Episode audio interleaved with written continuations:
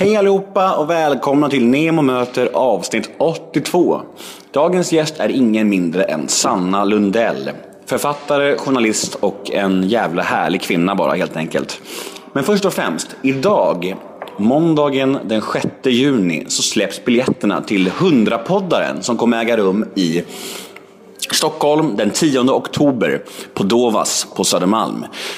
100-poddaren är en live-podcast med mig, Nemo Hedén. Nissa Hallberg kommer vara konferencier och en av gästerna är Sigge Eklund. Den andra gästen kommer redovisas nu i veckan, men jag lovar att det också är en gäst av hög, hög rang. Så håll ögonen öppna.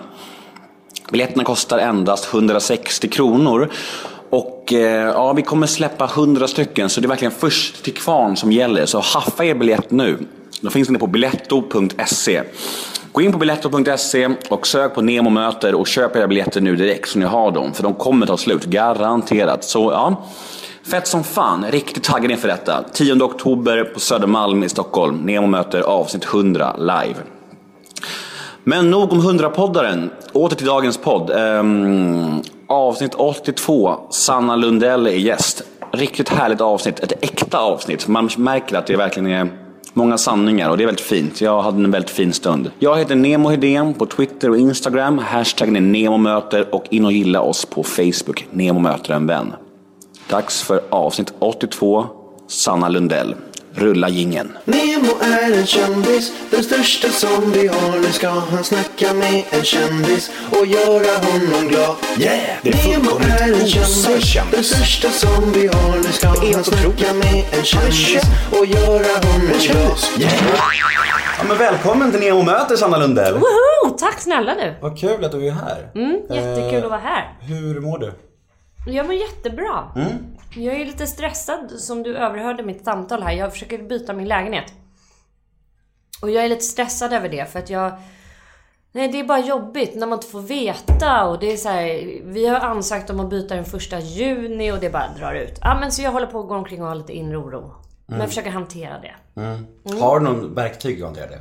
Går du själv i något sånt här program eller så här, eller aktivt eller? Jag har gjort det från och till i perioder i mitt liv men just nu så gör jag faktiskt inte det. Men när du säger det så känner jag så här: shit jag kanske borde gå på ett möte. Jag har gått jättemycket ACA, alltså Adult Children of Alcoholics. Jag tycker det är svinbra. Och det var väldigt bra för mig under framförallt en period i mitt liv. Sen har jag gått på KODA, Codependency Anonymous, jättebra också. Men just nu har jag så här, håller jag bara på med hästarna. Du får klämma ett möte i helgen tror jag. Det är mitt tips till dig. Ja, jag ska göra det. Finna lite, sinnes, sinnesro. Eh, vilken fråga får du oftast? Och vad är du mest trött på att prata om? Så vi skiter i det. För tänker, eh, liksom, du har gjort en del intervjuer och jag kan tänka mig att vissa grejer är du rätt less på att prata om. Så skiter jag i det i sådana fall så du kanske blir lite glad. Nej, jag har inga problem att prata om någonting egentligen. Det är snarare så att folk är så här. Mm, det verkar jobbigt att prata om det här för det kanske tycker är jobbigt. Och jag säger så här. Du är fri att fråga vad du vill, men jag kanske inte vill ge dig svar du vill ha. Nej, men du, du förstår att eftersom jag själv är en beroende människa så kommer jag frå- fråga mycket om sånt. Kötta på bara. Ja, bra.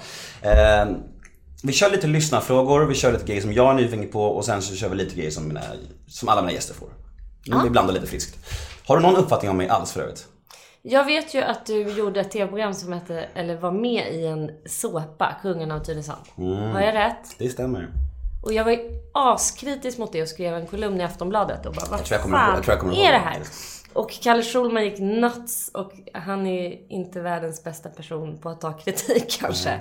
Eh, och tyckte att det var så himla dåligt. Men då kritiserade jag hela idén att man ska så här, dra ihop ett gäng väldigt unga människor bara för att supa. Jag tycker Mm. det är helt sjukt. Jag tycker att, jag förstår ju det. eh, Men jag förstod inte det då. Nej, såklart. såklart. Det enda, det, fan? en- det enda jag brydde mig om var att bli känd. Vilket jag blev och det var fantastiskt tyckte jag då. Mm. Fast jag, jag var inte förberedd på tomrummet som händer efter. Som blir automatiskt. Om man inte har någon riktig plan och struktur med sitt kändisskap så blir det ju ett tomrum efter när det dalar liksom. Det är helt naturligt. Mm. Framförallt om man är en sån människa som jag. Som har sökt kicka i det här livet, som, som vill ha bekräftelse, som har haft det här tomrummet i mig. Då blir det tomrummet hundra gånger större liksom. Och jag var tvungen, att- för mig, alltså tomrummet efter Tylösand, det blev som att jag använde alkohol och droger då mer och mer och mer för att fylla det liksom. Till slut vart ohållbart. Mm. Så det, det är faktiskt det som jag ska ut och föreläsa, jag ska ut och föreläsa nu i höst faktiskt. Fantastiskt. Fan vad grymt. Om det, just det här. om nykterhet och, och bekräftelse och tomrum och allt sånt där. Mm. Och jag tycker att det är viktigt. Och jag känner själv, jag börjar låta som en sån här gammal, gammal gubbe som moralpredikar. Men det är ett viktigt ämne. För det är ju så extremt många som söker runt med dok- dokusåporna. Och eh, jag tycker folk borde ha lite bättre mm, koll på vad det innebär. Och jag tror, inbillar mig att fler kan lyssna på mig som har varit i det. Än om en, liksom, en 60-årig gubbe kommer och säger Sök inte till Big Brother liksom. Då är det bara såhär, fuck you liksom. Jag har ändå varit i det där så jag kan liksom uttala mig om det. Men det är nog jävligt eh, viktigt också tänker jag när man är ung. Det, jag hade ett samtal med mina söner och de var så här. Alltså alla barn idag vill bli kända. Det vill de också. De bara, men jag vill bara bli känd. Jag bara, men eh, okej, då måste vi prata lite grann om det här. Antingen så blir man ju känd och erkänd för någonting som man gör bra ifrån sig. Och det är ganska rubbat att man kan vara liksom världens främsta hjärnkirurg typ. Och inte ett dugg känd när man räddar livet på människor och kanske vinner liksom priser. Alltså man gör verkligen en sån jävla insats för mänskligheten. Men sen kan man då vara med i till exempel Kungen av Tylösand och bara dricka. Hej! Nu kommer lite spegling här. Ja. Nej men, eh, och bli väldigt, väldigt mycket mer känd för det. Och som du säger, då är det inte så konstigt att det där tom, tomrummet eh, uppstår så. För att människan, jag tror att Freud, den gamla psykfarbrorn, han sa så här. Människa, en frisk människa kännetecknas av att hon arbetar. Och att arbeta, det är ju egentligen att förverkliga sig själv. Eh, Så det här att bli sedd och uppmärksammad bara för sitt persona och bara för att man är. Det ger inte tillfredsställelse tror jag i längden. Utan det är att man blir uppmärksammad för det man gör. Och att det kommer till gagn för andra människor på ett eller annat sätt. Eh, Det ger ju en sån mycket djupare tillfredsställelse och en mycket, mycket, eh, tror jag, sundare typ av eh, Men så är det ju. tillfredsställelse. Alltså om man jämför, om man jämför liksom eh, framgångarna nu, ja. För nu har jag ändå alltså, börjat få in pengar i podden, jag ska ut och föreläsa. Om man jämför de här framgångarna med kändisskapet jag hade då för Tylösand. Det är ju som natt och dag. Det här är Mm. Ja. grejer jag skapat själv from, ska, from scratch och baserat på mitt liv liksom så här. Och det, saker som jag gör helt själv alltihop. Det här var liksom något jag det var inte riktigt, det var ju så jävla liksom plastigt. Det var inte liksom, det var inte, det var ju ingenting. Det var ju luft liksom. Och det kändes ju också när man var i det. blev liksom så här, vad, jag blev nästan provocerad av, av tjejer som så här skrek efter mig på stan. Jag bara, vad är det med er? Vad, jag har knullat i TV, vad är, vad är problemet? Varför vill ni ta en bild med mig? Varför vill ni ligga med mig för? Vad, vad har jag gjort liksom? De bara, äh, jag vet inte. Man bara, nej. There you go liksom. Nej men det var verkligen så. De visste inte ens själva. Nej. För jag frågade dem så här, driver ni mig? Hånar ni mig nu? Eller är ni så här uppspelta? De bara, ah det är du. Jag bara, Åh gud, det var verkligen så. Det, Men hur kändes det att bli helt plötsligt bli så extremt objektifierad? Alltså det var surrealist, surrealistiskt och det gick så snabbt och det var verkligen så här. Jag fattade inte, jag trodde ju så länge att folk bara skojade med mig att ingen, trodde, att ingen tyckte att det var fett. Alltså att, att folk som skrek åt mig, det var så här på barturné, att folk som skrek åt mig var så här. De här driver med mig, de här blir inte alls uppspelta av att träffa mig. För så låg var min självkänsla liksom. Men, men det också, men, men det var, folk var är verkligen till sig. Och det känns som att kan man vara känd för vad som helst i Sverige idag och ändå få cred? På något sätt, eller cred, kanske fel ord, men du förstår vad jag menar. Alltså du kan få ligga, du kan få vad som helst. Du kan vara känd för liksom vad som helst. Ja. Var går gränsen egentligen? Kan man massmördare får ju för fan groupies till och med. Alltså, ja men det är ju så. Jo, det, så är det. Var fan går gränsen? Jag vet inte. Vet du? Nej, jag tror att man kan bli det. Alltså ju mer så konstigt, desto mer så kallad freakshow. Men det är som sagt, det där är någon slags så falsarium som man går in i. Och jag tror att så här, den stora skillnaden tycker jag märk, man märker när man börjar få, alltså när man får respons från tittare eller människor som uppmärksammar och ser en. När man gör någonting som man som förändrar människors liv, då får man en helt annan typ av respons. Det måste ju du få nu också Ja, ja. från dina lyssnare som mejlar. Alltså det, det, är på, det, det är så jävla mycket mer, mer tillfredsställande. Alltså jag kan ju jämföra också. Jag började blogga på tidningen Mama och eh, det var då jag blev ett liksom känt ansikte egentligen. Eh, och före dess så hade jag jobbat som journalist i, i liksom ganska många år. Men inte valt att vara ett ansikte utåt. Och det gjorde jag på mamma. Men alltså allt före jag gjorde Djävulsdansen på SVT. Tycker jag bara är så här. Vadå? Att man är bara ett face. Det spelar mig fan ingen roll. Det var ingen skillnad för mig överhuvudtaget. Men eh, Djävulsdansen är jag så jävla stolt över och jag vet att det har varit så livsavgörande för väldigt många människor. Så att, eh, och då, då finns det ju en tillfredsställelse i att människor kommer fram på stan och så uppmärksammar det man har gjort. Ja, Men jag tror att vi, alltså jag får ju inga så skamliga förslag från karlar. Nej, De vill ligga med mig för att jag är känd. nej. Men Tyvärr. du, du, men, men, men du, kanske, du är inte singel eller? Nej, det är ju den lilla detaljen. Men jag menar, det tror jag inte du var heller. Nej, alltså ja. Eller? Var det det? Eh, kanske ja, var. jo på barturnén var jag singel. Efter Tylösand var jag singel. Eh, och jag får inte så mycket skamliga förslag idag heller kan jag säga. Nej. Alltså man får ju skamligare förslag. Det blev ju så att jag blev sex Nemo för att jag låg så mycket TV. Det var ju därför jag blev så pass mycket skamliga förslag. Hur gammal var du när du gjorde det här Jag programmet? var 22. Herregud, var inte det helt sjukt? Att bara forma hela sin sexualitet i stort sett kring, Jo, kring den- den blev ganska sjuk. väldigt offentligt. Den blev ganska skev och det blev liksom all, alla förknippade med mig idag. Alltså jag kan knacka, alltså, när jag gick på fotboll häromveckan så var det någon som skrek till mig Knull-Nemo! Man bara, ja just det, det var ju sex år sedan då, men. Alltså fortfarande, ganska sjukt alltså. Men det är, det är ju så det är. TVs makt är så extrem liksom. Det blir en annan sak, helt annan sak.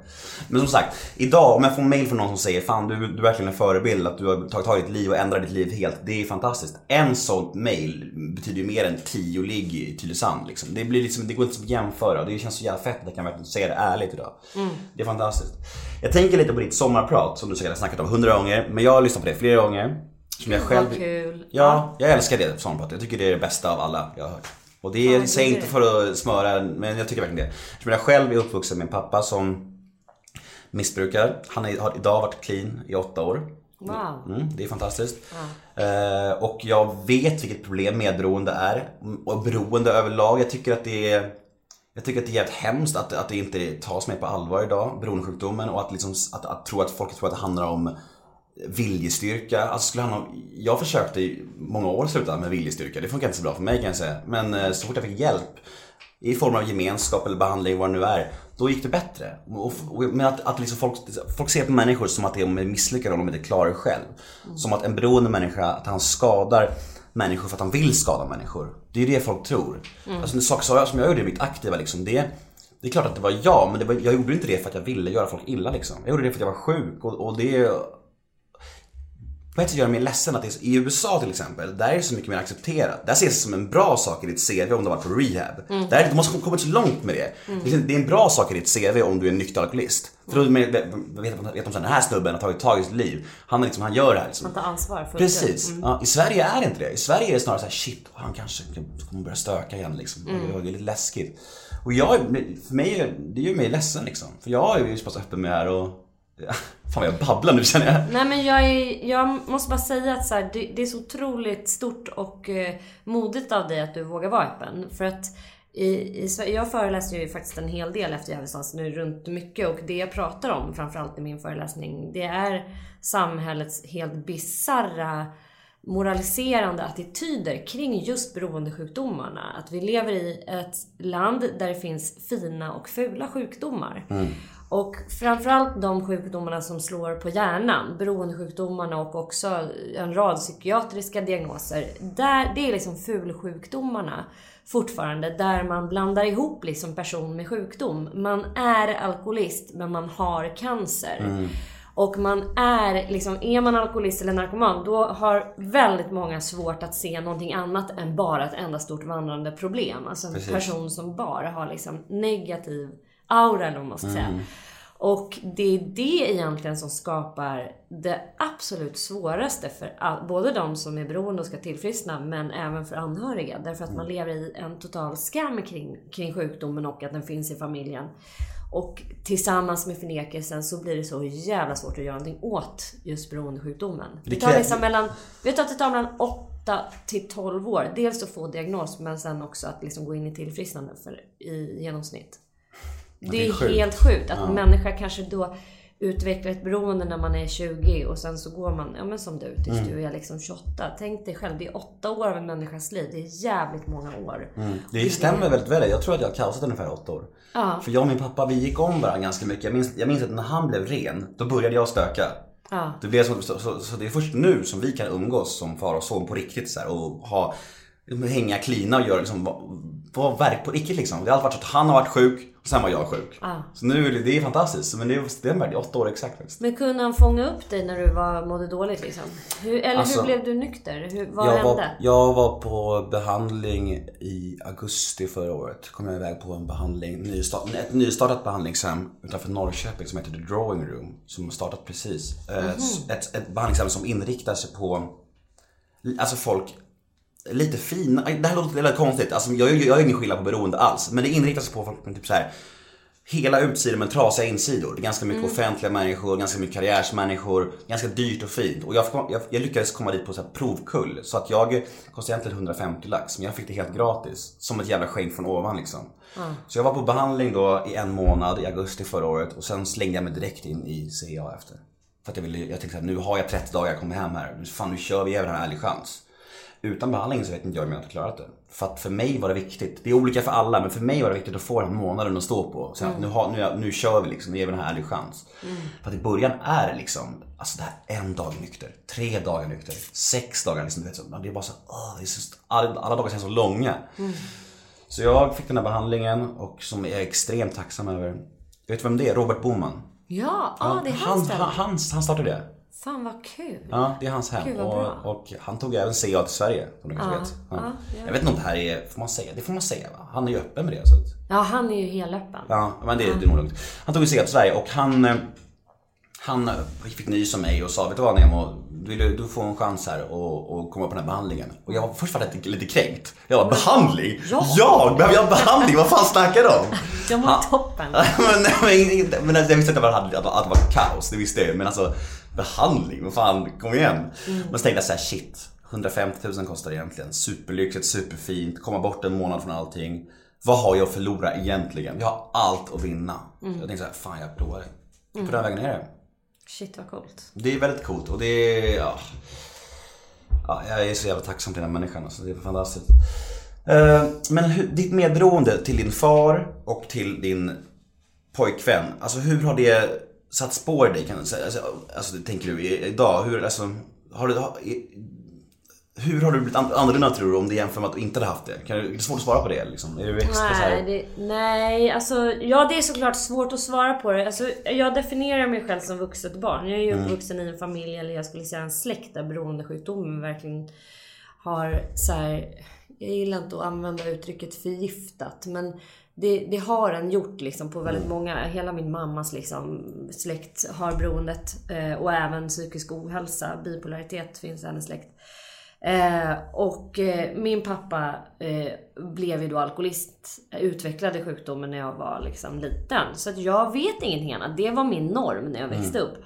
Och jag, eh, på ett sätt så kan jag tycka att jag klarade mig förvånansvärt bra. Som jag pratade om i mitt sommarprat. Jag kände liksom i min familj så här, Fan, jag är för glad för den här eh, platsen. Det här är liksom, jag har någon slags så här, förmåga till livsglädje och till att göra saker med mitt liv som ändå är bra för mig, vilket jag är jävligt tacksam för. Och eh, det har jag kommit fram till framförallt nu när jag har jobbat väldigt mycket. Jag har ju gjort serien Djävulsdansen med Ann Söderlund och skrivit en bok som heter Djävulsdansen också, Bli fri från medberoende. Och jag har ju haft den här stora ynnesten att liksom i fem års tid fått jobba bara med anhörigskap och medberoende. Vad är det? Finns det? Vissa teorier och eh, teoretiker menar ju att bero- medberoende inte finns. Liksom. Att man inte ens ska använda det begreppet Nej, för att det precis. är att skambelägga anhöriga och sådär.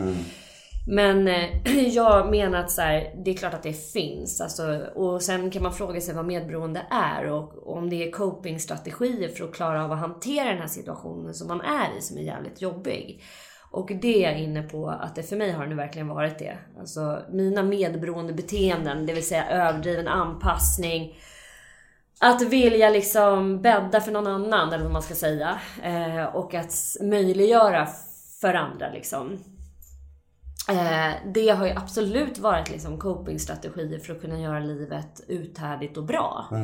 Det är ingenting som man väljer. Jag tror inte att Många pratar ju om att man liksom, att medberoende, speciellt i 12 steg, eh, att medberoende skulle kunna vara som ett egen typ av beroende. Och det kan det säkert vara för vissa. Att man liksom kickar på att eh, vara nära en väldigt, väldigt destruktiv person. Mm, laga ta hand om. Ja, laga och också utsätta sig själv för extrema... För det, det sker ju väldigt mycket traumatiska grejer kring en person som har ett utvecklat beroende och är aktiv. Det är ju liksom så här människor som försvinner ifrån en mitt i natten och det ska ringas telefonkedjor, man tror att folk är döda och sen nästa dag dyker de upp. Och, alltså det är ett enormt stresspåslag att leva som anhörig. Och eh, då finns det ju då vissa som menar att man skulle själv kunna utveckla ett beroende av de här kickarna, stresskickarna. Och där kan jag känna att jag var nog ett tag. Att jag så här, du vet det känns som att man lever någon slags så här eh, liv som typ eh, detektiv slash typ poliskonstapel slash att man är någon slags så här eh, härlig liten sjuksköterska blandat med att man är någon sån liten mattant eh, och att man känner sig väldigt sedd och älskad såklart när man får fixa någon och ta hand om någon. Mm. mm. Gud, jag, alltså, jag, känner- jag blir lite jag har fått gåshud. För det du pratar om nu, det kan- kan applice- appliceras så starkt på mitt ex. Från- I slut- slutet på min, eh, mitt missbrukande alltså. Det är så jävla träffsäkert. Ja, det är ont i sig med, men det är... Ja, jag ska inte prata om henne så mycket för jag har gjort det så mycket. Men det är, det är smärtsamt det där med anhöriga. Man behöver påminnas om, om det, att det liksom... I mitt sjuka huvud trodde jag att det bara var mig jag skadade liksom. Men det var ju, alltså jag, jag påminns om det hela tiden att det, var, det är så många. Så fort, så fort jag kände det minsta sug på, det- på gamla livet tänker jag bara så här, tänk hur många i min närhet och min omgivning som gör är glada just nu. Alla mina syskon, alla mina vänner som bara shit vad skönt det är att det äntligen är lugn och ro. Liksom. Hon säger det hela tiden till mig, mina syskon bara så här, fan du är tillbaka från de döda, det är så skönt att ha dig här igen. Jag har sagt flera gånger med min lillasyrra. Och Liksom det är bara att tänka på det och då, då försvinner, alltså då har jag noll sug på det. Det har jag nästan ändå men det blir så här ett kvitto på att man ändå gör något rätt. För det är så många den här tornadon, den här orkanen som går fram. Det är så många som bara rasar. Och man, man, man, man tror i sitt, e, i sitt egoskalle så bara det är nog bara mig det skadar liksom. Ja, men så tror man väl alla och sen är det så här, det är klart att man inte vill. Jag tror inte att någon som har ett beroende i sin vildaste fantasi tror att att det, eh, det är liksom, men det var fan, det är ju bara mig det angår. Speciellt om man inte har barn. Jag menar, har man barn så det, då har man nog lättare att komma till att man känner att det är konsekvenser för dem. Men när det gäller vuxna människor, jag menar vi matas ju så jävla frekvent med idén också att så här, var och en ska få välja sitt liv. Var och en som är vuxen ska få göra precis som de vill. Och, alltså, vi har ju en liberalism som växer och, och verkligen så här och också en väldigt stor så här, drogliberalism, framförallt bland unga människor. Att det börjar bli så allmänt accepterat att liksom bruka droger som att det är så här, nej men det är väl inget konstigt, det får man väl göra typ. Alltså lite så. Tror du att du sökte dig till en man med beroendesjukdomen för att din pappa hade det? Nej, jag tror så här faktiskt. Jag tror att jag sökte mig till ett annat vuxet barn. Vad, men förklara för folk som inte vet vad vuxet barn är. Gör det. Ja, eh, att vara då ett så kallat vuxet barn, det är att va, ha vuxit upp med alkoholism eller beroende i någon annan form. Det kan handla om att man har en förälder som är spelmissbrukare, sexmissbrukare, till och med arbetsnarkoman. Eller jävligt dysfunktionell på något annat sätt. Alltså psykisk ohälsa. Man kan ha haft en mamma som har begått självmord kanske, eller en pappa som Dyssig dyssig uppväxt bara. det är en väldigt dysfunktionell ja. uppväxt. Det behöver inte ens vara väldigt. Men det gör att man utvecklar då medberoende beteenden redan från att man är väldigt, väldigt liten. Och jag skulle säga att det kanske är svårare att göra någonting åt dem än om man är, kommer från en välvaggad familj och råkar träffa en snubbe som utvecklar ett beroende. Därför att då har man ju någonting friskt att falla tillbaks på. Eh, att gå tillbaka till någonting som har funkat. Så har det ju inte varit för mig. Utan för mig har det om att så helt omdefiniera livet. Och hitta nya sätt som är så helt för mig okända. Att eh, hantera relationer och hantera livet överhuvudtaget. Eh, så jag tror, och det har jag sett i varenda relation som jag har sökt mig till, även när det gäller vänner, från att jag var väldigt liten, så har jag sökt mig till människor som har, lik, har vuxit upp på liknande sätt. Och eh, jag tror... Nu, du med mig. Jag är Ja, som du. Ja. nej men man känner sig direkt hemma. Ja, men så är det, Visst gör man det? Ja, gud, man är så här, och jag tror att det är någonting friskt i mig som vill det. Mm. Därför att genom att umgås med människor som har samma e- eller liknande erfarenheter med sig. Det minskar skammen så jävla mycket. Över, alltså Mm. att växa upp med alkoholism, med en pappa eller mamma som alkoholist. Det är inte som att växa upp med en mamma som har cancer. Alltså går du till skolan när du är sju år gammal och bara min mamma var jättefull igår. Då kommer du mötas av så här. Du måste följa med här, nu ska vi ringa SOS. Nu, ko- det blir en jättestor apparatur, det blir jättemycket skam och du får direkt veta att det du precis har berättat är liksom all time high, det typ mest jobbiga man kan komma med. Och lägga i en vuxen människas famn. Kommer du till skolan och berättar så här, min mamma har haft en tumör i bröstet. Då kommer du få en stor kram, du kommer få liksom en arsenal av stöd och hjälp. Och SOS kommer överhuvudtaget inte ens blandas in. Trots att du kanske lever med en mamma som är högst frånvarande på grund av att hon är väldigt sjuk, alltså i den här fysiska sjukdomen. Mm. Eh, så, så det är en jättestor skillnad på, som jag sa tidigare, det finns fina och det finns fula sjukdomar och vi bemöter barn som växer upp med, med fula sjukdomar på ett helt annat sätt än de som växer upp med de så kallade fina sjukdomarna. Hoppas det blir annorlunda snart. Jag tror att Ja, jag det är hela vi- min stora mission med allt det jag gör nu. Ja, vad härligt. Det låter bra. Jag jag tror vi går i rätt riktning hoppas jag. Men men så till exempel land som USA och så är ju tyvärr ganska mycket före här. Men det blir nog bättre snart. Jag tänker på det här med att jag brukar tänka att jag, jag växte upp i en- dysfunktionell familj, stor familj och pappa missbrukare och mamma var väldigt frånvarande. Jag tänker att jag har alltid, som du säger, jag har alltid liksom trivts bättre i kaoset och nästan sökt mig till kaoset. Och har, när jag har varit i en bra relation så har jag nästan förstört det tvångsmässigt för att jag trivs. Att, jag vet inte, min terapeut sa det till mig att jag liksom så här, jag gör saker till kaos för att jag inte tycker att jag förtjänar mig på något sätt. Det, kan du känna igen det? Att du skapar någon slags kaos för att, för att du är van vid det liksom och växer upp i det. Både och tror jag. Man söker ju sig till någonting som känns eh, bekant såklart. Eh, men framförallt tror jag det handlar om att man är så oförmögen att eh, riktigt urskilja vad som är normalt. Och när det känns väldigt lugnt för många som har vuxit upp med alkoholism så är ju det lugna och normala det är nästan i de lägena man får mest ångest. För dels ett, man hinner börja tänka efter vad det är man lever i. Alltså man börjar här, få lite respit från, från det här påslaget av stress hela tiden.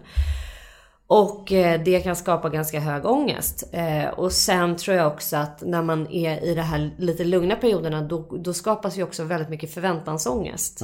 Att så här, när ska nästa katastrof ske? Så lugnet för oss som har vuxit upp med dys är egentligen ganska obehagligt. Jag känner det. För när det händer ka- kaotiska saker, då kopplar vi på reptilhjärnan och då bara... Överlevare. När vi får, ja, överlever, vi får jättehögt påslag av massor med adrenalin, noradrenalin, massa så här hormoner som gör att vi känner oss som att vi är så här krigare och nu ska vi bara ta det här, nu ska jag åka och hämta min liksom, missbrukare ute i, vad det nu kan vara, Hägerstensåsen, någon konstig... Alltså så mycket galna grejer man har lyckats kunna göra och, och vara kompetent man blir när man är i det där ruset på kroppseget stress. Alltså då finns det ju ingen hejd på en. Nej. Det är, ganska, det är ju liksom en, en egen kroppsegen drog skulle jag säga. Ja men så är det ju. Jag tänker lite, du har tre barn va? Ja. Mm. Hur eh, har du förändrats sen du blev mamma och vad, hur är du som morsa? Är du överbeskyddande? Nej, det är jag faktiskt inte. Jag, jag eh, hoppas att de tycker att jag är en bra mamma. Jag är väldigt eh, så här, glad och tacksam över att jag har fått möjligheten att dels genom programmet faktiskt, alltså 12-stegsprogrammet och med de grupper jag har gått och framförallt i liksom olika typer av terapier få titta på min föräldraroll. Det är som du sa lite här tidigare i vårt samtal att de flesta människor gör inte det. Nej, och i precis. nästan allas liv så finns det ju olika dysfunktioner på ett eller annat sätt. Och jag är bara så jävla glad att jag fick ta en ordentlig, så här, grundlig titt på det. Och det har kunnat göra mig till en mycket, mycket bättre förälder.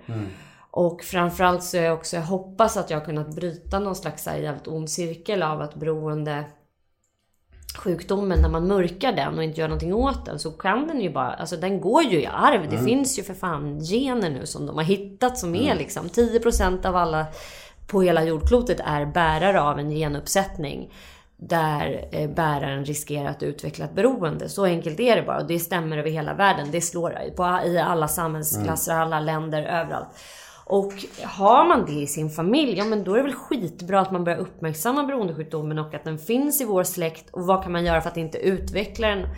Så att vi har ett jäkligt, jäkligt öppet klimat kring beroende i familjen och jag, det är lite stolt över mig och slår mig lite grann för bröstet. Eh, för att det är faktiskt jag som har öppnat de dörrarna i vårt hem. Jag fick vara den där jättejobbiga så här, det är också den anhörigas eh, ständiga lott. I början är man jävligt ensam som anhörig också. När man är den som bara Hallå, det finns ett problem här. Alla andra i familjen eller i liksom det sociala bara Gud vad du snackar, fan vad du överdriver. Låt Mm. dem dricka lite bara och fan, låt oss ha lite kul här ungefär. Lite kul. Ja, att man blir så här skitjobbig, den ensamma sanningssägaren. Och det var jag under ganska många år i början av min och Mickes relation.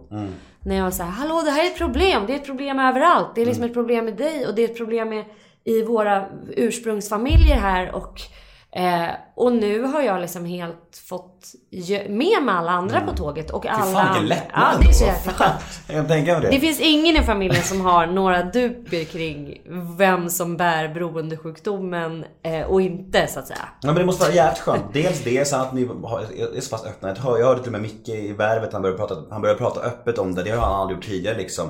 Att det här, jag tror det är viktigt att folk som han, som ändå är så pass stora skådisar, är Våga vara öppna med det här, för det, det ger också en skjuts till det här liksom, att ta bort det här tabu, tabu, tabu. Det, alltså, om fler offentliga människor blir öppna med det, så tar det bort det tabubelagda menar jag. Så det är ju grymt om han kan fortsätta vara så pass öppen som han börjar bli. Och jag kan göra det lilla, jag kan liksom, det kan vi alla göra liksom. Till, till att få bort det här tabu, för det är här tabugrejen runt beroendesjukdomen som gör, ökar på skammen, ökar på förnekandet och det blir den här onda cirkeln av att det liksom inte blir någon lösning på det. Ja, gud ja. Det är så jävla vidrigt och jag, ja, jag hoppas verkligen att um, vi går i rätt, rätt riktning.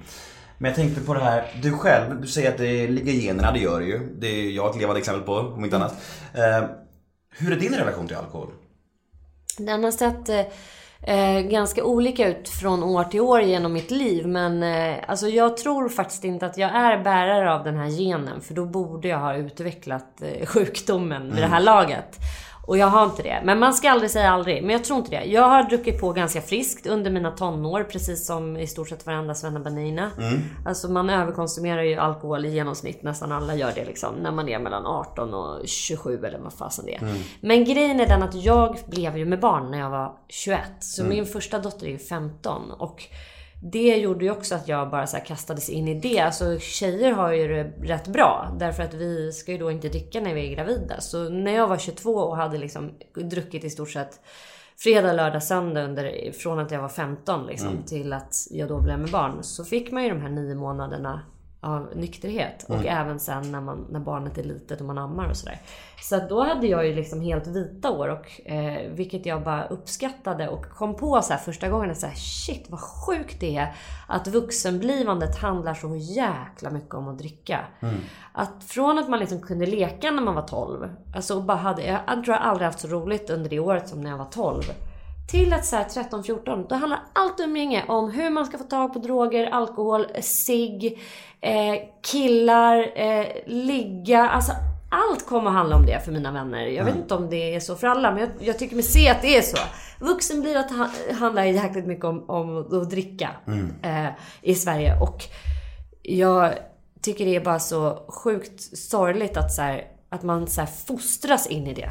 Så tidigt och så skoningslöst. Som att det inte finns någonting annat som är intressant och roligt. Än att spetsa tillvaron med liksom mm, kicka lite på alkohol eller cigg. Nej, men jag vet, jag, jag fattar, tro mig. Jag tänker så mycket på det där och att det, liksom, och det är så viktigt för folk. att man- man kan inte röra deras alkohol, liksom deras precious. Ja, Folk- de- verkligen här med precious. Ja men det är väl en Sagan om ringen. eh, Ja, feelingen. Mm. Verkligen. Och jag märker det mer och mer. Alltså, jag, jag, folk i min omgivning, alltså, du vet, de umgås inte. Jag, jag frågar mina vänner så här. Umgås du någonsin med mina kompisar utan att dricka? Eller så här, gör ni någon, någon folk bara, nej men varför inte? Då tänker jag så här, de kanske inte har problematik på det, fair enough, det är good för dem. Men jag blir så här, fan jag tycker det är rätt, om man måste krydda sitt liv med alkohol, då mår man väl inte bra i sitt normala tillstånd tänker jag, heller, helt. Eller gör man det? Jag vet inte, det är så svårt för mig att säga.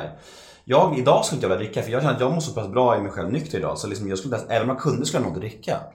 Nej, nej men det är ju det. När man har börjat fundera över så här, hur jävla kul är det egentligen? Och är det här verkligen kul på riktigt? Eller är det bara så här... Fly. Jag tycker också, ja det är fly men sen också en genväg. Att det som händer när man dricker alkohol väldigt mycket, för mig i alla fall. Och jag tror för många andra. Det är att man hamnar i en känsla av att vara här och nu. Alltså det vi ka- kallar för mindfulness. Och det, för att hamna i den känslan utan droger eller alkohol, då krävs det lite jobb. Det är återigen där så här, eh, man är lite lat. Jobbigt Ska man säga, jobba. ja vad fan. Då måste man typ skaffa sig en häst eller gå på någon jävla kurs. Alltså för att hamna i det här flowet och den här mindfulnessen där man faktiskt kan uppleva glädje och kul. Skaffa en, en podd kanske? Ja, men det kan man göra. Ja, men kreativ aktivitet Ja, är men det är det. skitbra för det. Jag nu är typ, vi jag här mår och typ som nu. bäst när jag sitter och pratar med en sådana samtal. På riktigt alltså. Ja, det gör jag med. För att man är så här, det, det är inte direkt så att man sitter och tänker på sitt lilla så här problem som man har där hemma. När, när vi är här och nu. Just Nej, nu i det här det. mötet. Men... Men eh, jag tänker att du är en aktiv feminist. ja. Ja, eh, hur är det? Det här är faktiskt inte min fråga, det här är en lyssnarfråga. Men det var en kvin- kvinna som frågade så här, du är ändå, lever, lever med, jag vet inte om ni lever ihop, ni är ihop i alla fall, med en man som är, har varit ganska macho, macho liksom kultur, hej och hå. Du själv kan, hur, hur artar sig det här på era barn och uppfostran? Eh, hej, jag Ryan Reynolds. Recently, I asked Mint Mobile's legal team if big wireless companies are allowed to raise prices due to inflation. They said yes. And then when I asked if raising prices technically violates those onerous two year contracts, they said, What the f are you talking about, you insane Hollywood ass?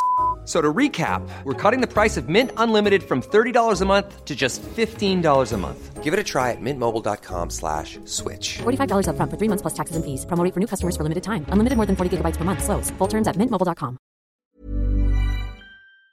och du förbereder dina barn på liksom det patriarka, pat, vad heter det, patriarkala och allt. Strukturer. Ja, precis. Och säga liksom så här, eller hur, hur tänker du kring sånt? Alltså, Jo, jag är jätte, alltså jag är ju verkligen, alltså det är också så här, Micke, då våra barns pappa och min, vad, vad fan han nu är, särbo. han eh, har ju en, en mediabild ska man ju understryka liksom. Det som, som man ser av honom i media och de roller som han ofta har fått spela. Är mycket riktigt som du säger väldigt så här machobetonade. Man gillar att sätta honom i väldigt så här macho eh, ja men i så här machoroller. Eh, och det, det är ju ändå, speglar inte riktigt sanningen om honom skulle jag säga. För rent privat så upplever i alla fall inte jag honom. Jag tror också att om du pratar med vänner till honom så är han ganska omacho. Han är ju uppvuxen ensam med sin mamma i Jakan och liksom har väldigt många kvaliteter som många skulle kalla kvinnliga. Han är väldigt så här vårdande, omhändertagande, ganska medberoende själv faktiskt. Och Eh, i- och också så här helt otippat eh, galen i att städa. Eh, han har varit väldigt jämställd med barnen. Alltså, han är en rationell och logiskt tänkande person. Så pratar man och säger så här, hur det är ju inte rimligt att jag ska ta hand om barnen liksom 90%. Det är så här, om man är lite smart och intelligent, då är det klart att man är så här, nej just det. Det ska du ju inte. Varför gör du, alltså varför är det så? Så han är, han är ju verkligen feminist skulle jag säga. Sen kanske inte det syns utåt. Men... Eh, Sen är det väl hundra gånger bättre nu än när han var aktiv kan jag tänka mig. Ja, nej men det, alltså sjukdomen då, alltså alla som dricker oavsett om man är kvinna eller man blir bara högst egocentrerad och Ja, liksom narcissistiskt. Precis. Eh, ja, inne på sig själv och sina e- egna behov och drogen bara liksom. Och då skiter man ju allt och alla. Det spelar ingen roll om man är Noll, feminist eller noll inte. konsekvenstänk liksom. Ja.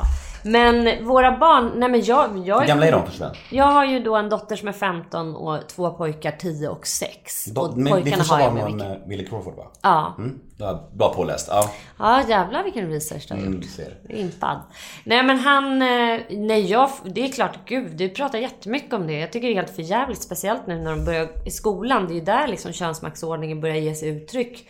Det är där det börjar. Det är där Mm. deras liksom fostran kring vad som är killigt och tjejigt. Och de är ju redan fucked up nu. Mm. Jag bara, men varför kan ni aldrig spela fotboll med lite tjejer med? Varför kan ni aldrig ha hem en tjej att leka med efter klassen? Mm. Fullständigt otänkbart.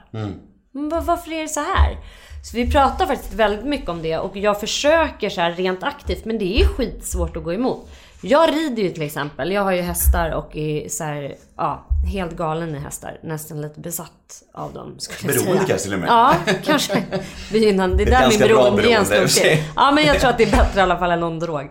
Men, eh, och jag vill ju så gärna att de ska börja rida. För att är det något som är jävligt macho och har varit det rent historiskt under hur många århundraden som helst så är det liksom hästar och ridsport. Det var ju bara militärer och gubbar och män som red. Före 1950. Och nu helt plötsligt så bara 90% av alla som rider är tjejer. Vad fan hände? Hur Mm. Slog kodar över. vi Det saker? slog Det slog över. över. Och mina pojkar är bara såhär, nej men de kan inte börja på ridskola. Det är bara tjejer. Det är en tjejsport. Det är skitdeppigt och jag är bara såhär, nu får ni för fan ta och ge er. Men Du har det... fått dem att börja rida alltså? Du, du vill, du vill få dem att börja rida? Jag, vill, jag kämpar ju med det och tvingar dem och mutar dem och, och sådär.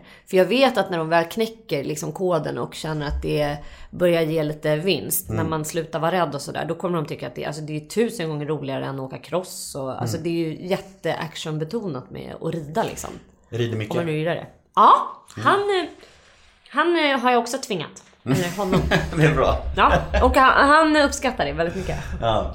Ehm, I ett sommarprat så säger du att det, det, är, det är inte konstigt att så många unga kvinnor mår dåligt. Mm. Alltså rent proce- procentuellt. Har du något konkret tips till unga tjejer för att bota psykisk ohälsa och allt, allt det som breder ut sig med unga tjejer mer och mer? Den här osäkerheten och passa in och hej och...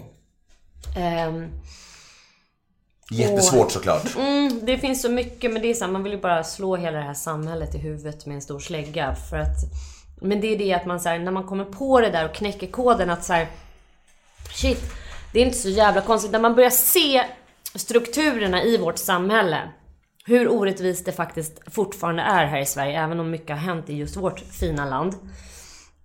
Så är det inte så jävla konstigt att man börjar bli lite deppig. Eh, och det här med förnekelse, att leva i förnekelse, det kan också vara en copingstrategi. Att man förnekar att det finns könsmaktsordning och att det finns problem som handlar om att män har makten i det här samhället. Många tjejer jag möter, speciellt unga tjejer, de vill ju inte kalla sig feminister. Och de är såhär, fan vad tramsig du är, tjejer kan väl få vara tjejer och jag gillar ju smink och sånt. Eh, och så vidare. Att man liksom försvarar könsmaktsordningen trots att man själv sitter i en loserposition i den. Konstigt det där. Mm, men det gillar man att göra därför att det är för smärtsamt att ta in den här jävla infon. För då kommer man må ännu sämre under Återigen. en period. Återigen det här smärtsamma i att inse sanningen. Mm. Det är inget roligt. Man, det, då lever man hellre i någon slags lögn eller anammar någon teori där det känns lite bättre temporärt. Mm. Men jag skulle ändå vilja säga till alla unga tjejer där ute att så här, feminism handlar ju ingenting om så här, utseende och kläder och att ibland vilja vara ett objekt, att man kanske gillar det till och med. Utan det handlar bara om att inse att vi inte har samma rättigheter och att faktiskt här börja stå upp för det och att själv börja liksom läsa på lite och lära sig lite och bara så börja skrapa lite på den här ganska ruskiga ytan som finns. För det kommer gy- gynna oss alla så jäkla mycket i slutändan. Ja. Alltså de som gick före, som har skapat möjligheterna för att vi lever i ett ganska jämställt samhälle. Vilka jävla... Alltså de, gick ju emot så här. Alltså de gick emot så tunga krafter. Jag pratar om så här. Alltså kvinnlig rösträtt, rätt till dagis, rätt till abort. Det var ju grejer som hände på 70-talet liksom. Det är ganska nytt i vår historia.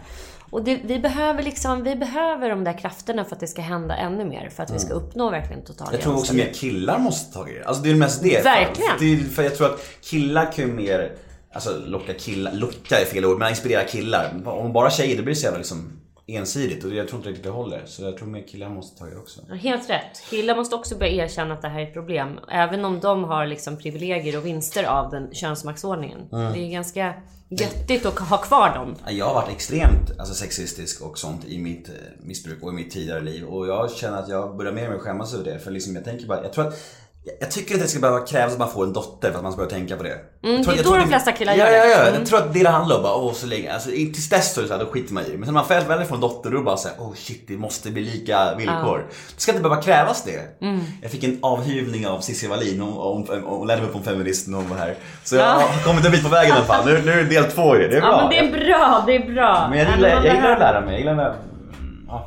Som sagt, man vill, man, vill, man vill ju utvecklas som människa. Man vill ju ändra sina, sitt tänk. Det är ju då man liksom kommer någonstans. Det är fantastiskt. Men jag måste bara ge en stor ändå eloge till er generation. För att när jag pratar med unga idag så känner jag så här: wow vilken annan kunskapsbank. När jag satt med mina, med mina vänner när vi var 25. Det var ju ingen som var feminist då. Det var liksom ingen som ens var intresserad av att prata om de här strukturerna. Jag hör ändå sådana samtal hela tiden bland er. Att man säger, nej men könsmaktsordningen, det är klart att den existerar. Det är typ ganska få känns det som. som, som och jag tycker till exempel att Sara Larsson har gjort ett jävla hästjobb på den fronten. Bara så här, vi lyfter upp det här och nu är det bara jätteviktigt och nu ska alla prata om det. Och hon har ju lyckats väldigt bra med det. Hon får så mycket skit också. Det är helt Mm, hon, att hon bara orkar. Men, Hon är så ung, hon är 17 bast mm. bara får så mycket skit. Alltså, alltså hon pallar är imponerande.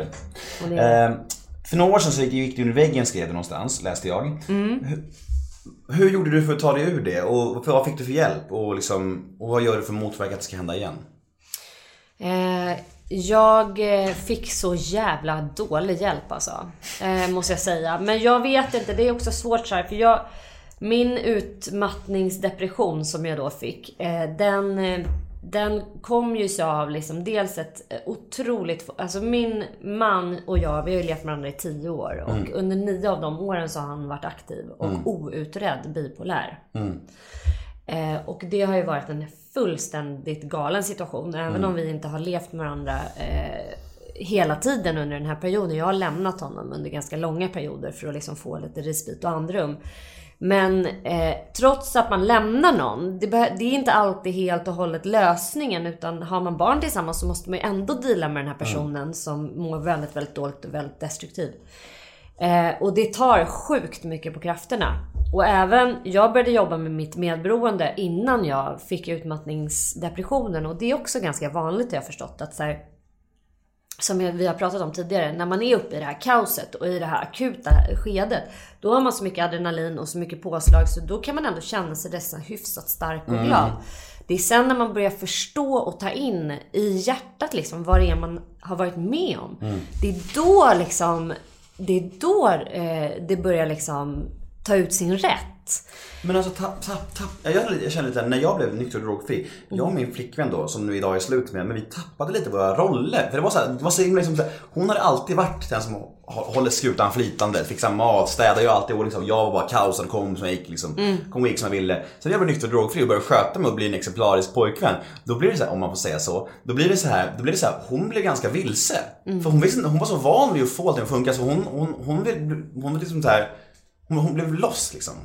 Det blir, jag tror det blir lätt, så. Man, man, man har haft sina roller liksom och hon var så van vid liksom så här eh, misstänka saker och allt sånt där. Allt det där satt sig så djupt liksom.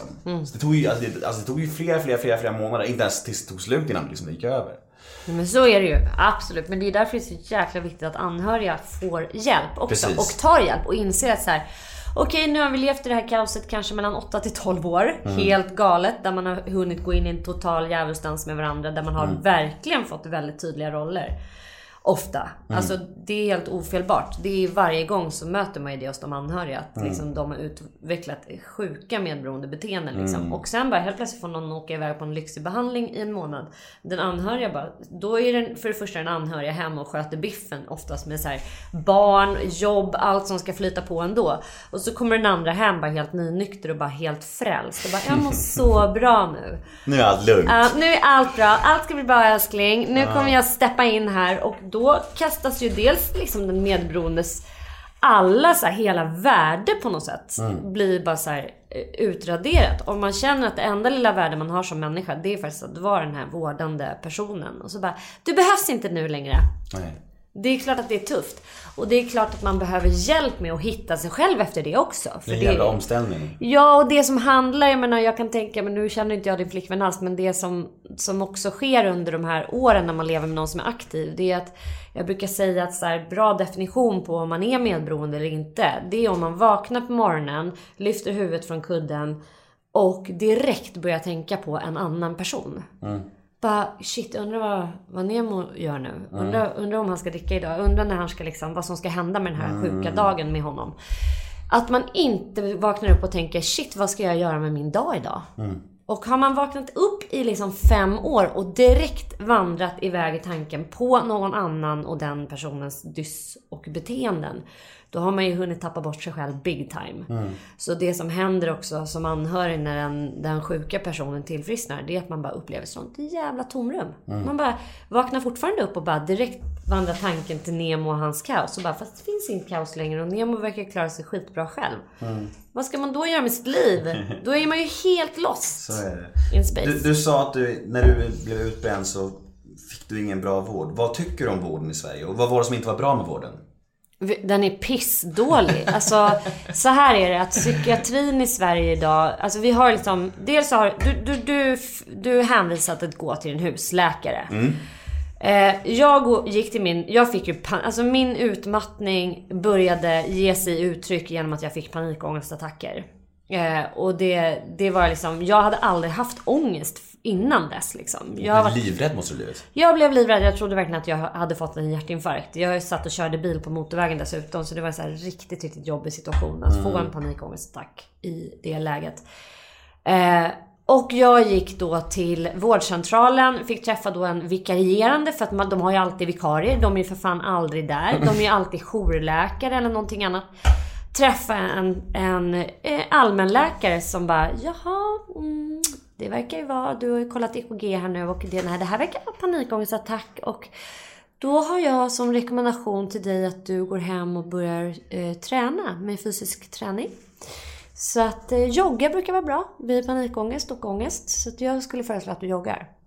Man bara, och så går man hem därifrån när man är uppe i den här jävla krisen och kaosen också. Så då hinner man inte tänka klart. Man bara jogga. Alltså det är typ det sjukaste man kan säga till någon som är så inne i en utmattningssyndrom och i så här grav kris. Man bara, mamma jag ska tydligen jogga nu liksom. Hon bara, alltså jogga det här kommer aldrig gå. Och det hjälpte ju inte för fem öre. Hon var så här, om du får ihållande symptom eller självmordstankar då får du återkomma. Och liksom, då känner jag bara så här, var var följdfrågan? Hur har du det hemma? Vad har du för livssituation just nu? Det verkar som att du har det tufft. Jag hade liksom en bebis hemma som var åtta månader som jag inte hade sovit en hel natt under hela sitt liv. Jag hade två barn till. Alltså hur kan man bara inte fånga upp en person som uppenbarligen mår skitdåligt och så remittera den personen till psykiatrin? För det är också så här, att gå till psykiatrin, det, det tar rätt mycket emot för de allra, allra flesta. Vi har fortfarande verkligen. massa så här myter och fantasier om att psykiatrin, men då är man galen och dit kan man Klara inte sig gå. själv, Vad allt det här. fan, nej men det går över och vi ska klara det här. Men psykiatrin hade ju varit det absolut bästa stället för mig att hamna på där någon som hade verkligen kunnat ta det här på allvar och hjälpt mig ur den här utmattningsdepressionen på ett mycket mer gynnsamt sätt. Nu fick jag privat hjälp, jag hade ju gått i programmet, jag hade varit, börjat gå som anhörigterapeut. Och då var han så jäkla bra så att han bara, äh men shit, vi, jag tar emot dig, vi börjar gå nu. Och så bara började vi jobba liksom mycket mer KBT kring ångest och hela min livssituation och vad, det var, vad vi kunde göra liksom för att underlätta att där och då. Eh, och sen så småningom så fick jag också, vilket jag varmt kan rekommendera till alla som är anhöriga och alla som är vuxna barn, att många som är vuxna barn får tyvärr felaktiga diagnoser, alltså neuropsykiatriska diagnoser, ADHD, ADD. Som egentligen kanske är posttraumatisk stress. Okej. Eh, och de flesta som växer upp i ett hem med obehandlad beroendesjukdom är ju utsatt för upprepade trauman. Alltså det händer väldigt, väldigt mycket jobbigt. För, framförallt för ett barn. Om man har en förälder som kommer hem och är full eller en förälder som kanske inte kommer hem överhuvudtaget, ut och, ut och festar. Alltså det, hän- det, är, det är fullständigt kaos med en person som är aktiv i sin beroendesjukdom. Och det skapar ofta posttraumatisk stress eh, hos barn. Min- Och för mig gjorde det. Och jag fick gå i kris och traumaterapi. För jag, min terapeut har sagt det, att, att en del diagnoser är inte ens diagnoser, det är, det är bara trauma. Allt handlar om trauma, Mm. säger, säger min terapeut. Jag bara, äh, vad snackar du om? Men nu säger du, du det också, så det kanske är Mm. viss poäng i det han säger. Jag vill poängtera att jag absolut inte är någon motståndare till ADHD eller ADD. Jag tror absolut att det finns. Mm. Men i Sverige så tror jag att vi överdiagnostiserar barn som också. egentligen behöver prata om hur det är att växa upp i en familj där det finns missbruk. Mm. Man brukar säga att det finns ungefär 800 000 till en miljon eh, personer som har beroendesjukdom i Sverige. Då kan man ju bara liksom, det krävs ju ingen Einstein för att räkna ut hur många anhöriga det finns då. och Hur många barn som faktiskt väx- växer upp där i en familj där det finns beroende. Alltså- Jäkligt många är det. Ja, och jag tänker så här också, tänk alla de som är beroende. Tänk hur många av dem som har någon diagnos. Alltså, det måste vara många som helst. Mm. Har du inte fått diagnos någon Jo, men jag har inte gjort en utredning, men jag är Alltså jag har varit på så här vårdcentralen och försökt att få ADHD-utredning. Tro- Trots att, jag, trots att jag fyllde i högsta betyg på alla frågor. Mm. Alltså du vet, allt det här som ADHD är, inte med papperna, har jag högsta. Trots att jag fyllde i högsta på det så fick jag inte göra en utredning ändå. Så lång kö. Så, jag, jag behöver inte göra en utredning tycker jag heller. För att jag, alltså visst om jag har varit i skolan, då hade, alltså, när jag var ung barn, då har det varit en sak. Men nu är, vet, jag, vet jag inte vad jag ska kunna få ut av det ändå. Jag vill inte medicinera ändå. Jag, jag trivs ganska bra i mig själv just nu men jag är helt säker på att jag har det. För alla de här grejerna har jag. Jag är sånt där, känslomässig, känslostyrd och impulsiv och svårt att lyssna. Alltså jag koncentrerar mig som fan nu för att lyssna på det. Alltså det är verkligen så här, jag måste göra det. Och jag kan inte läsa en bok om det inte är skitintressant och du vet såna här grejer. Allt det klassiska. Men ja, jag tror också att det är liksom Jag tror för många människor så, som har diagnoser så blev det, drogandet blev som en slags äntligen få känna sig normal liksom. Mm. För jag kände mig, när jag tog mina droger, då, liksom, då kände jag mig att fan, äntligen är det här bruset i, bort, i huvudet borta. Var det så? Mm. Ja, var exakt så. Liksom, nu äntligen får jag nu slipper jag den här stressen. Nu är det bara, nu, nu, liksom, nu är bruset i skallen borta. Mm. Så det var därför jag knarkade mycket liksom. Men hur eh, hanterar du det nu då? Kan du hitta några strategier för att kunna det, det, få bort det, det där? det har försvunnit nu. Liksom, när, jag gjort programmet och alltså Det är kon- konstigt nog så har, har jag inte det längre. Det är liksom bara, det, det, är ett mirakel. Om man Fan, kan vad säga så. härligt. Det är fantastiskt. Eh, Jag har två frågor från eh, lyssnare. Första frågan är Hej Sanna, tack för djävulsdansen, fantastiskt. Eh, hur är ditt förhållande till din pappa idag? Tror du att ni någonsin kommer att blicka tillbaka till varandra? Ehm, hej, ska jag säga då till dig, kära lyssnare. Jag, eh, eh, vår relation, alltså vi har inte en särskilt bra relation eller nära relation eh, och har inte haft det sedan han återföll i missbruk, i beroende. Och det är inte för att jag inte älskar honom och tycker väldigt mycket om honom, för det gör jag. Men det är för att jag inte riktigt klarar av just nu att vara kring människor som är aktiva. Jag får sån ångest av det och eh, det, alltså jag har blivit lite grann efter, efter mina år liksom med eh, aktiv efter min utmattning skulle jag säga så har jag, alltså jag har nästan utvecklats med en allergi mot aktiva. Alltså jag har jätte, jag tycker det är sjukt jobbigt att vara med människor som är eh, super, alltså i, i aktiva. Jättesvårt. Jag fattar det verkligen. Med, speciellt med förnekelse och alltså allt det. Jag har jävligt svårt att copa med det. Och då är det bättre för mig eh, just nu att ta, ha lite, att göra en time-out som jag brukar kalla det för. Skulle du bryta med Micke direkt om eh, att du återfall? Nej, det skulle jag nog inte göra. Jag skulle nog eh, försöka motivera honom till eh, att ta hjälp. Men det beror ju på hur, hur, hur, hur... Alltså återfall är en del av beroendesjukdomen, det ska man komma ihåg också. Och det bästa behöver inte alltid vara att här, sätta, stänga dörren. Man kan eh, ge missbrukaren eller den som har ett beroende konsekvenser ändå. Så det beror helt på vad, vad motivationen finns att göra någonting åt och hämta hem efter återfallet. Det beror helt på hur situationen ser ut. Bra svar. Eh, Men jag, skulle, jag kan säga så här, jag skulle aldrig klara av att leva tillsammans med någon i en nära kärleksfull relation som är aktiv. Det går inte att leva i en nära kärleksrelation med en person som är aktiv. nej, jag vet. Överhuvudtaget. Men han har väl ganska lång, alltså om man får fråga det, kanske jätteprivat, men han, han har väl ett, ett och ett halvt år nu eller någonting, har inte det? Jo, han är ju faktiskt öppen med det. Så han har, han har snart 500 dagar. Ja, fantastiskt. Ja, det är helt fantastiskt. Stort. Det måste kännas helt jävla magiskt för dig alltså. Ja, det Och gör det. också, Men det är också så här, Micke har gjort en... Alltså vi var inne på att prata lite grann om det, att, vara, att, att ha diagnos. Mm. Och det är många som faller mellan stolarna i Sverige. Alltså det kan ju faktiskt vara så att man har eh, kanske inte beroendet primärt som problem. Och Mm. för, för Micke så har det ju varit helt solklart att han har varit obehandlad bipolär. Mm. Han har inte haft heller samma Eh, alltså han, har inte, han har varit väldigt ojämn i sitt beroende under alla år, våra år tillsammans. Han har ju inte haft något problem att avstå, inte haft sug när han har haft perioder när han har varit normal.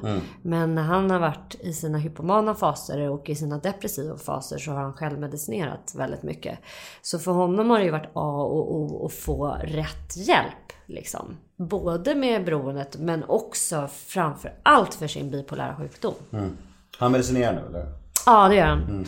Och det... Nej, jag, jag är så otroligt tacksam för det. Och där kan man ju peka på hur bra psykiatrin kan vara också. Ja, Vi är ju precis. jävligt stora slängar med skit på, på liksom vården och psykiatrin. Men när det funkar och det finns liksom så jävla mycket kunskap och fantastiska människor i psykiatrin också. Och eh, jag säger bara så här, ha, känner ni någon av er som lyssnar att ni har alltså behov av att prata om er psykiska ohälsa så liksom tveka inte utan kontakta psykiatrin. Det finns jättebra öppenvård, det finns jättebra hjälp att få. Och är det så att ni känner er felbehandlade eller att ni inte får rätt hjälp, då ska ni inte banga på heller att klaga. Nej. För det är då vi kan få till stånd förändringar. Våga och faktiskt klaga. kräva sin rätt. Så jag har som patient i Sverige rätt till det här. Jag har rätt att slippa vänta fyra månader på en jävla utredning för ADHD. Alltså det är helt sjukt att det ser ut som det gör idag. En människa som är djupt självmordsbenägen bara Nej du får ringa telefontid 9 till 10 på onsdagar. Och då kanske det är en jourläkare du får prata med. Alltså ställ krav, bara börja klaga. Skicka in massa jävla anmälningar till, till HÅSAN, Hälso och sjukvårdsansvarsnämnden. Hårsen. HÅSAN tror jag det heter. Hälso och sjukvårdsansvarsnämnden. Anmäl och liksom Gör man, var jobbiga. Ja, ja, våga vara jobbiga. Ja, våga vara jobbiga. Ställ krav. Jag tänker lite så här, eftersom jag har en historia själv av det där så blir jag nyfiken på hur ni gjorde. När han blev clean, hur, när ni gick på middag du och han till exempel, drack du då eller avstod du då för hans skull? Eh, nej men jag tycker att det är skitviktigt att varför, varför kan man inte prata om det och fråga? Så här, jag brukar ofta fråga även idag, nu har han många dagar nykter. Då, och liksom, då kanske man kan tycka så här, han kan väl tåla om jag tar ett glas här eller inte. Men jag frågar alltid, tycker du att det känns okej att jag dricker eller tycker du det är jobbigt?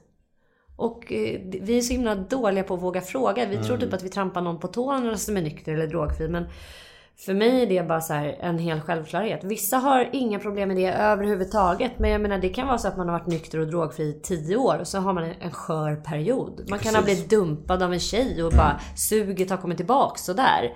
Och då kanske inte är jättebra att vistas tillsammans med människor som sitter och, och dricker hejvilt. Nej, det är klart. Sista frågan om Micke. Eh, hur är han som pojkvän och farsa? Eh, väl, va, eh, ja, han är jättebra pappa. Superbra, jätteengagerad. Han älskar ju barn och han, ja. Alltså jätte, jättebra pappa. Egentligen ska du ju fråga våra barn om det för de kan ju... ta- hit det. Ja. Men de... eh, Jo, jag tycker, jag tycker att han är en väldigt bra pappa. Och eh, det är också en skitviktig grej att påpeka. Återigen, även fast man har ett beroende eller en sjukdom så kan man vara en bra förälder. Ja, ja, gud ja. Och man kan ju alltså få saker att funka i livet också, även med sjukdom. Det, är liksom- går upp och ner. Nej, allt Nej. är inte alltid det. Och det är inte så enkelt liksom. Och, eh, inte och svart som, eller vitt, liksom. Nej, det är inte svart eller vitt. Och jag, liksom, han som pojkvän, just nu har vi liksom jättebra. Vi har lyckats laga någonting som har varit väldigt, väldigt trasigt. Mm. Och eh, det var långt ifrån säkert på om det ens skulle gå. Eh, och, men det har det gjort och jag känner mig mer kär i honom än, vad jag någonsin har gjort. Och jag tycker att han är liksom han, han är så bra som han aldrig någonsin har varit i vår relation. Och eh, det finns liksom inget dysk kvar. Det, alltså jag måste nästan nypa mig själv i armen, men det är verkligen så.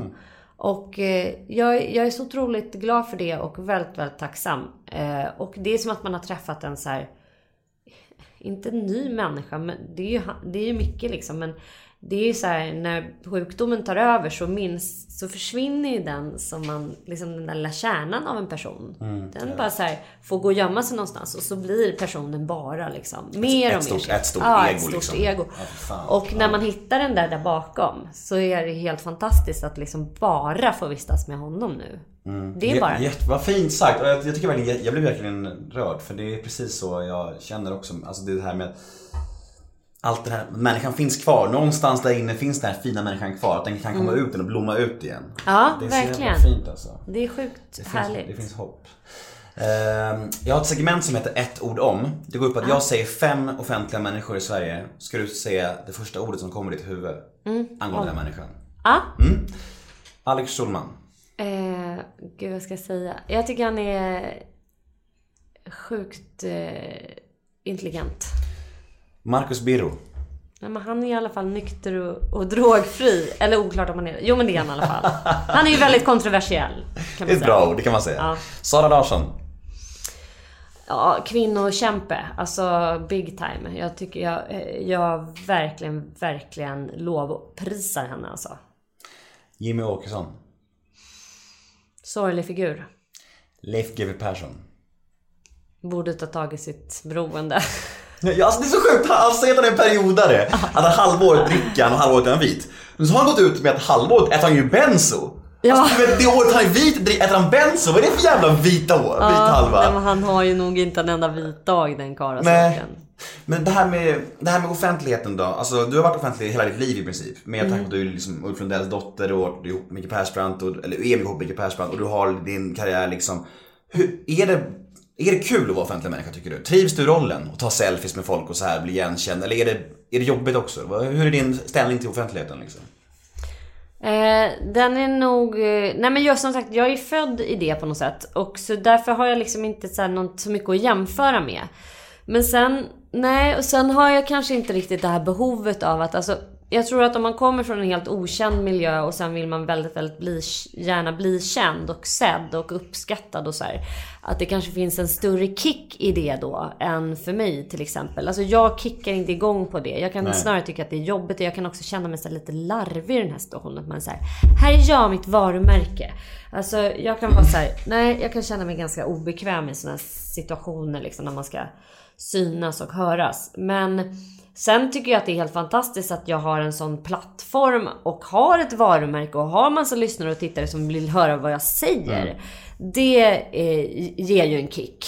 att vad- liksom skriver jag en text. Jag skrev en text som jag delade på min blogg för ett tag sedan. Om varför jag inte blir kränkt eh, av att en muslim inte vill ta mig i handen till exempel. Och den bara delades och det bara gick så här bananjas runt hela... Hur många delningar fick du? Jag vet inte men jag tror i alla fall att den kanske hade 20 000 delningar och framförallt så fick jag så sjukt mycket mejl och kommentarer och så här. Det var verkligen två läger. Vissa förstod mig inte alls tyckte att jag var så antifeministisk i hela den tesen och så här. Men jag älskar ju det. Jag älskar ju att väcka debatt och jag älskar att få människor att tänka. Så att för mig är- liksom offentligheten en förutsättning för det och det är jag glad för. Men har du blivit blasé inför hela det här med kändisskap? Alltså kan du, eller kan du träffa folk som du blir helt starstruck av fortfarande? Eller är det så här, du har varit runt kändisar så mycket så att det liksom är liksom helt blasé? Nej, jag kan absolut bli starstruck, men jag blir ju väldigt starstruck av människor som jag så beundrar för. Och då handlar det oftast om att det är en person som har åstadkommit någonting. Eh, så att jag kan ju bli så här starstruck på konstiga personer som andra inte ens vet vilka de är. Okej. Så Fred Nyberg till exempel, som är professor i beroendemedicin. Ja, jag, är jag så här, jag jag fick en halvtimme med Fred typ. Ja, men det, ja absolut. Nej men jag kanske är lite blasé och jag tänker så här också att för mig är alla människor, eh, alla, alla är vi människor liksom och alla har ju någonting egentligen när man börjar skrapa på ytan. Som är helt unikt och helt liksom eget. Och jag älskar ju ännu mer att umgås med så vanligt folk. Eller vad man ska säga. Hur är det med so- sociala medier och sånt? Och eftersom du skriver och du får kommentarer och du väcker reaktioner överallt och du liksom har de här kända, känd, stora kända människorna kring dig hela tiden så här. Blir du, alltså om du får kommentarer på Instagram säger vi, eller Twitter eller vad som helst. Blir du ledsen då? Kan, kan, kan, eller rinner det bara av dig? Om folk kanske säger något dumt om dig eller Micke eller, eller din pappa eller dina barn, vad som helst. Eller är du så pass trygg och lugn i dig själv nu att det bara rinner av dig? Eller kommer folk åt dig och skriver någonting på? Eller, och hur hanterar du det liksom? Alltså det är en sån förändring för att jag gjorde Jag började blogga på mamma och fick så jävla mycket skit. Och jag vet inte om det är ett speciellt forum, att liksom kvinnor som ska bli mammor är extra känsliga. I don't know. Men, och även när jag skrev kolumner i Aftonbladet fick jag ju väldigt mycket skit. Framförallt så här dödshot från Sverigedemokrater och annat. För att jag ofta liksom kritiserade SD och kritiserade liksom hela vår islamofobi som är helt så här accepterad och allmänt vitt och britt, brett utspridd i det här landet plötsligt. Men senaste åren har det hänt någonting eh, och det är framförallt efter mitt sommarprat så får jag i stort sett inte någon skit överhuvudtaget. När jag skrev sommarpratet då fick jag ungefär 40 000 mail. Alltså det, var- 40 jag har 000 fortfarande mail? så ja jag kan säga så här. Har du läst alla? Nej, nej, nej. Alltså jag, det, det är liksom, det har bara så här, jag har tvungen att slänga hela min inkorg för att hela min dator i stort sett bara så här. Var det därför det tog tid för dig att svara på mitt mejl? Ja, nej men det är ett sånt kaos jag är så här, jag vet att jag måste liksom byta mailadress och server och sånt där. När jag fick fruktansvärt mycket kommentarer och människor som hörde av sig och bara så jävla mycket kärlek och inte ett enda av det här, de här, alltså de jag har orkat läsa och hunnit med har innehållit någon skit liksom. Nej. Och så att jag, Vilken omvändning. jag vet inte vad som har hänt. Men jag får inte så mycket skit längre. Om du får skit eller elaka ord på Instagram, försöker du resonera med någon eller block direkt bara? Nej, jag kan resonera med dem så länge de inte är så här dö hora typ. Alltså där finns det ju inget att snacka om. Det är ju bara så här, mm, Vadå, gå- vad menar du med det? Vad säger du? Vet du att prostituerade är en riktigt utsatt grupp? Ja. Nej, det gör jag inte. Men jag kan till exempel resonera om, om det uppstår en diskussion, typ... Jag hade någon diskussion om så här. Ska mammor gråta inför sina barn? Eller inte? Typ något sånt. Då är det klart man kan gå in i diskussion om det liksom. Hur ser det ut närmsta framtiden då? Drömmar och framtid, vad har du kvar? Vad, vad är målet med närmsta, närmsta månaderna eller åren man ska säga? Jag hoppas att du... Nu gör vi Djävulsdansen eh, för SVT nummer två. Ja, fantastiskt. Mm, jag, vi är så jävla glada för det och vi har precis avslutat inspelningarna och Mm. den kommer bli helt fantastisk. Viktigt, kolla på det. Djävulsdansen 2 handlar om att vara anhörig till någon som är psykiskt sjuk. Mm. Så det är lite skillnad, men det är samma liksom goa känsla där och den är... Den, är så, den blev så bra. Mm. Jag är helt bara så här. Vi låg, satt och kollade på det igår, kollade igenom. Och det är riktigt, riktigt bra. Och sen ska jag skriva bok nu i sommar också. Ja, den ska alla köpa. Mm, såklart, kom och köp. Grymt. Eh, vi börjar bli klara. Jag är jättetacksam att du kom hit. Ja, vad roligt Ja, det var att komma. Det var jättekul. Ja, fan vad det är. Alltså när man sitter med någon som man har så mycket gemensamt med. Då bara bla, man, Det skulle sitta en timme till, det är det. Det blir så. Vi har liksom- hållit på i en timme och en kvart. Det är helt sjukt. Shit, nu ska jag ju podda med en annan grej. Om en halvtimme! Shit, Ja, vi måste sticka. sluta nu. Vad heter du på sociala medier? Jag heter Sanna Lundell på Instagram. Och Twitter? jag har också en blogg, Mm. sannalundell.se. In och följ Sanna överallt och skriv fina saker till henne. Och eh, jag heter Nemo Hedén på Twitter och Instagram. Hashtaggen är NEMOMÖTER och in och gilla oss på Facebook. Nemo möter en vän är det där. Tack Sanna Lundell för att du kom. Tack snälla du för att jag fick komma.